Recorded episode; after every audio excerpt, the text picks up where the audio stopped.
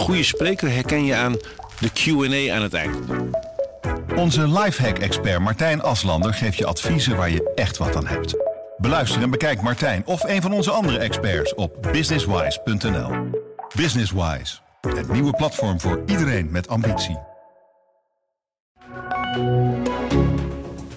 Dit is de AD Nieuws Update met Manuel Venderbos. De politie heeft steeds meer moeite met het opsporen van mensenhandel in Nederland. De cijfers van het Landelijke Coördinatiecentrum tegen Mensenhandel is wel een forse daling in het aantal meldingen over misbruik terug te zien. Ina Hut is eh, directeur van het Coördinatiecentrum tegen Mensenhandel. Het betekent de daling van het aantal meldingen ook meteen dat er minder misstanden zijn? Nee, we vermoeden dat er meer eh, gevallen van mensenhandel zijn.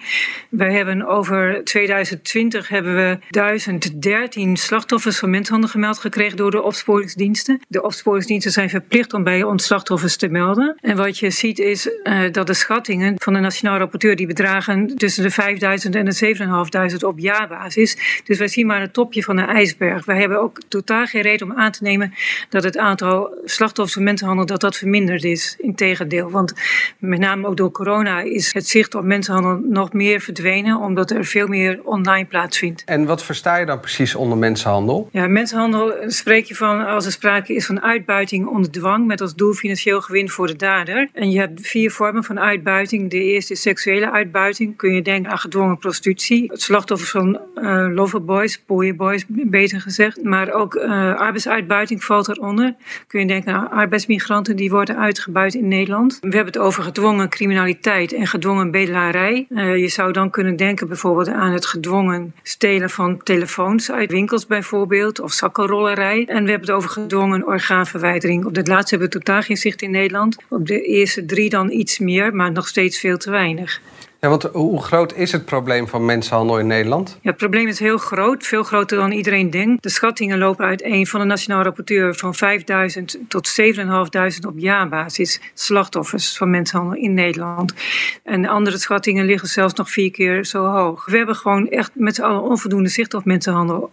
Opsporingsdiensten moeten echt de prioriteit geven aan het opsporen van mensenhandel en het vervolgen van daders en voor de rechter brengen van daders. En de straffen moeten ook hoger betreft. Want misdaad loont op deze manier. De situatie is dus nijpend. Er gebeurt dus veel onder de radar. Uh, wat moet er nou gebeuren om mensenhandel tegen te gaan? Ja, het belangrijkste vind ik is preventie. Dus je moet slachtoffers uh, weerbaar maken voor mensenhandel. Maar ik denk ook dat je ook de daderkant moet bekijken. Dat je ook moet voorkomen dat er daders ontstaan.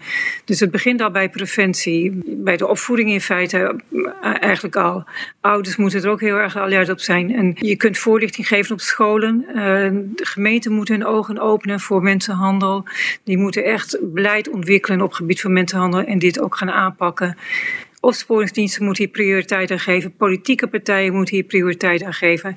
Professionals moeten hun ogen openen. Maar ook de gewone burger die kan heel alert zijn op uitbuiting. Want het gebeurt gewoon bij je om de hoek. Het kan bij je in de straat gebeuren. Geef eens een tip. Waar, waar moet je dan als gewone burger op letten? Nou, bijvoorbeeld uh, als je in een restaurant eet. De koks hebben die niet veel te lange werkdagen. Worden ze niet onderbetaald. Um, als gemeente kun je bijvoorbeeld erop letten van... heeft iemand wel de beschikking over zijn eigen paspoort... als ze komen melden bij het loket... Uh, op scholen uh, kun je zien misschien aan slechte leerprestaties van leerlingen die seksueel worden uitgebreid of opeens heel, heel ander gedrag, schichtig gedrag. Het verschilt natuurlijk ook per uitbuitingsvormen wat de signalen zijn. Maar als burger uh, en als professional kun je gewoon echt, als je alert bent, er heel veel aan doen ter preventie. Ina Hut van het Coördinatiecentrum tegen Mensenhandel, dankjewel voor je uitleg. Voor de Europese Dag tegen Mensenhandel gaat Anil Kumar een recordpoging roadtrippen ondernemen. Hij wil zo aandacht vragen voor de grote problemen rondom mensenhandel. In 24 uur gaat Anil samen met een cameraman langs 17 landen in Europa. Anil, ben je er klaar voor? Nou, klaar voor. We zijn nog hartstikke onderweg, joh. Oké. Okay. Um, je gaat dus roadtrippen, je gaat een recordpoging doen. Hoe ga je hiermee aandacht vragen voor mensenhandel? Het is vandaag de Europese Dag tegen de Mensenhandel. En uh, wij zitten hier namens een project, Project Pasmina, wat we hebben opgericht. En Project Pasmina uh, staat bekend om zijn roadtrips. Dit is de eerste van vele die gaan volgen. En de roadtrips die wij maken, uh, uitgezonderd deze, die zijn eigenlijk altijd gebaseerd op de verhalen van survivors van mensenhandel. Deze route mag je zien als een soort eerste activiteit, als een kick kick-off. En dat betekent dat we met deze actie vooral aandacht proberen te vestigen op de dag hè, tegen mensenhandel. En vanaf nu, of vanaf morgen eigenlijk dus, begint de rest van ons project nog een jaar lang. Hoe groot is het probleem van mensenhandel in Europa? Ja, in Europa natuurlijk nog vele malen groter dan in Nederland alleen. Nederland is een land waarin mensenhandel ook wel ontstaat, maar ook vaak een, een bestemmingsland is. de mensen komen dan vanuit andere landen, Afrika bijvoorbeeld, maar ook Midden- en Oost-Europa zie je ze veel vandaan komen. De Europese Commissie die schatte vorig jaar nog dat er toch pak een tienduizenden, zo niet honderdduizenden mensen in heel Europa slachtoffer zijn geworden van mensenhandel de afgelopen jaren. Dat zijn enorme aantallen. Stel je voor dat een stad als Utrecht of Rotterdam allemaal mensenhandelslachtoffers zou kennen. Dat is ongekend groot, zo'n aantal. Ja, tijdens deze roadtrip heb ik begrepen, heb je gesprekken op Instagram met influencers en experts. Wie heb je daarvoor benaderd en waarom? Ja, dat klopt. We hebben bijvoorbeeld Samena van der Meijnen uh, benaderd, die een hele uitgesproken survivor is zelf. En uh,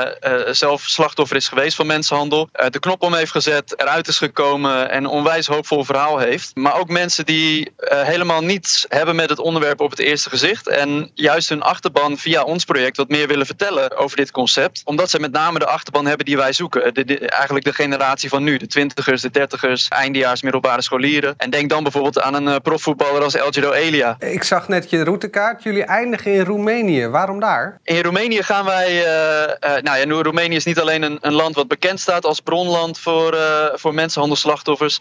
Maar wij gaan er ook de volgende dag, morgen dus, een project bezoeken. Een project wat opgezet is door vier NGO's, waarvan twee Nederlandse. onder andere het Leger des Hels. En zij helpen survivors van mensenhandel daar van eigenlijk van A naar B. Uh, dus vanuit de regen naar een nieuw hoopvol bestaan. En wij zijn heel erg benieuwd hoe ze dat doen. En willen graag ook onze kijkers via Instagram uh, vertellen wat daar gebeurt. Oké, okay. uh, via wat ben je te volgen? Wat, wat is je Instagram? Ja, Instagram is project.pashmina. En dat is waar je ons kan volgen. Maar ik hoop natuurlijk ook dat veel mensen naar de ADTV kijken. En ook daar veel van ons horen de komende tijd. En tot slot, wanneer is deze roadtrip voor, voor jou geslaagd? Ah joh, dat is hij al. En dat zeg ik natuurlijk niet alleen dat ik hier vandaag te zien ben. Maar ons team heeft keihard gewerkt aan, aan dit project. Aan deze eerste activiteit. Als ik kijk naar wat voor aandacht het nu al heeft opgeleverd niet zozeer voor ons, maar vooral voor het onderwerp. Ja, dan ben ik al hartstikke blij. Die, die recordpoging is oprecht maar bijzaak. Het zou heel vet zijn als het lukt, maar het gaat er vooral om dat er vandaag op de dag tegen mensenhandel, de Europese dag tegen mensenhandel, ook, uh, ja, ook echt aandacht voor is. En dat is gelukt. Dankjewel, heel veel succes. Rij voorzichtig en succes toch nog met uh, de recordpoging. Ethische hackers zijn steeds gewilder in deze tijden van DDoS-aanvallen en ransomware. Opleidingen daarvoor schieten als paddenstoelen uit de grond. Dat merken ze ook bij Hogeschool Novi, waar ze zelfs stoomcursussen aanbieden. George Vlug is uh, algemeen directeur van Hogeschool Novi. Waarom willen mensen zich massaal laten omscholen? Nou, ik denk dat dat eigenlijk twee, uh, twee aanleidingen hebben. Sowieso zie je natuurlijk dat mensen, zeker in de coronacrisis, ook wel even zijn geschrokken van... heb ik zo meteen nog een plekje? Uh, als er zo meteen mensen uit moeten, ben ik dan de eerste? Uh, aan de andere kant zie je natuurlijk ook gewoon dat het beeld rondom IT... en een opleiding en een carrière en de techniek, dat dat wel verandert. En, en dat steeds meer mensen ook wel denken van... nou, dat zou iets voor mij kunnen zijn. En kan nou iemand die helemaal niet in de ICT werkt... na de stoomcursus gelijk aan de slag als ethische hacker? Nou ja, kijk, stoomcursus, we, zitten, we nemen in ons geval mensen echt wel echt een half jaar intensief onder onze, onder onze vleugels. En ik denk dat ethical hacker is wel echt ook wel, heeft ook wel best wel een technisch profiel. Dus daar moet je wel aanleg voor hebben. Maar er zijn natuurlijk veel meer vakken ook in het cybersecurity veld. Uh, waar, je zeker, uh, waar je zeker mee uit voet kan, ja. Ja, je zegt we nemen ze een half jaar onder, onder de hoede. Um, maar ben je dan gelijk uh, gediplomeerd ethisch hacker? Ja, gediplomeerd ethisch hacker is een beetje een ingewikkeld uh, begrip. Hè, want er is niet een diploma voor ethical hackers. Nee. Uh, waar wij naar kijken is, wat zou nou een junior pentester of een junior security professional, wat zou die nou moeten kunnen? En dat zit dus weer ook op HBO-niveau, ja. En waarom is het nou nodig voor bedrijven of gemeentes om een ethisch hacker in te huren? Dat je cybersecurity op orde moet hebben, dat is inmiddels toch wel duidelijk? Ja, nou, ik denk dat het zeker duidelijk is. Maar ik denk dat als bedrijven zich gaan afvragen van hebben we dat helemaal goed op orde? En wat zouden we eigenlijk doen op het moment dat, uh, dat we gehackt zouden worden of slachtoffer worden van een ransomware aanval? Ja, dat je dan ook wel achterkomt dat er nog wel een heleboel, uh, een heleboel uh, te winnen is. Ja, tot slot voor de mensen die het overwegen, wat verdien je eigenlijk als ethisch hacker? Ja, ik denk dat ethical hacker, dat, daar kun je een heel goed salaris aan hebben. De mensen die wij natuurlijk opleiden, die beginnen wel echt als junior. Maar je kunt echt, je kunt wel van 40 tot 80.000 euro is niet gek, is geen gek salaris als, uh, als volleerd ethical hacker. Ik ga het nog eens overwegen. George Vlug, uh, algemeen directeur van de Hogeschool Novi, dankjewel voor je toelichting.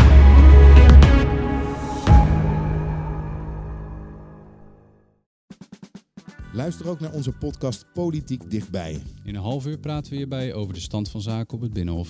En niet alleen vanuit de wandelgangen in Den Haag, maar ook vanuit een regionaal perspectief. We zijn te vinden in onze app, op Apple Podcast en op Spotify. En wie zijn wij dan? Wij zijn Leonard Beekman en Tobias den Hartog. Een goede spreker herken je aan de Q&A aan het eind. Onze lifehack-expert Martijn Aslander geeft je adviezen waar je echt wat aan hebt. Beluister en bekijk Martijn of een van onze andere experts op businesswise.nl.